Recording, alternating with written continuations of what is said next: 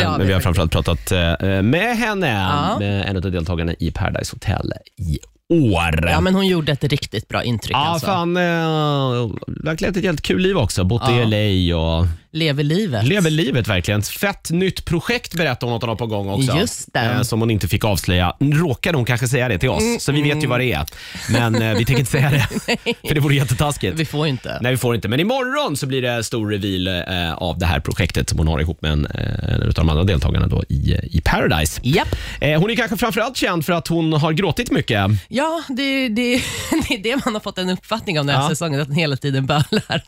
Men, eh, men stämmer det? Det är ju eh, egentligen den stora frågan och det försökte vi bland annat reda på då när vi eh, pratade med Diana. Det lät så här. För du gråter ju himlans mycket i början där. Det är så det, är det gulligt. enda du gör. Varenda liten så här trailer och så här tillbakablick alltså, så står Diana och kan gråter. vi diskutera hur Ja, mycket jag snälla. gråter? Men gråter du så där mycket? Har du Nej känslorna men, liksom? Så där? nej. Det är bara... nej men alltså min pappa ringde ju mig i total chock och bara, nej men älskade barn, alltså hur mår du? Jag har aldrig sett dig gråta så här mycket under 27 år som du gör en vecka i Paradise Hotel liksom. Nej men alltså jag är ju inte en sån gråtsill egentligen, så gråt. Gråtsill. Ja, men det heter det nu. Ja, det Ja. heter så. Bra gråtsill.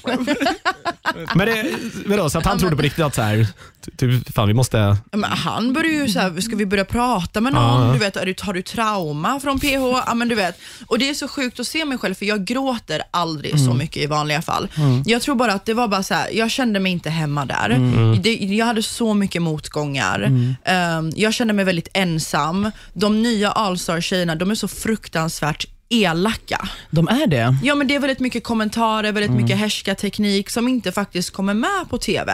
Eh, Alltså, jag mådde väldigt dåligt och det är klart att när jag väl gick ner till synk då, för jag var väldigt bra vän med produktionen, de som synkade och så här. Ska vi säga det att synk då man, till tv-språk för att när man går ner och gör de här intervjuerna som ni ser, när man klipper och tittar rakt in i kameran bara så att folk är med på vad vi pratar om här.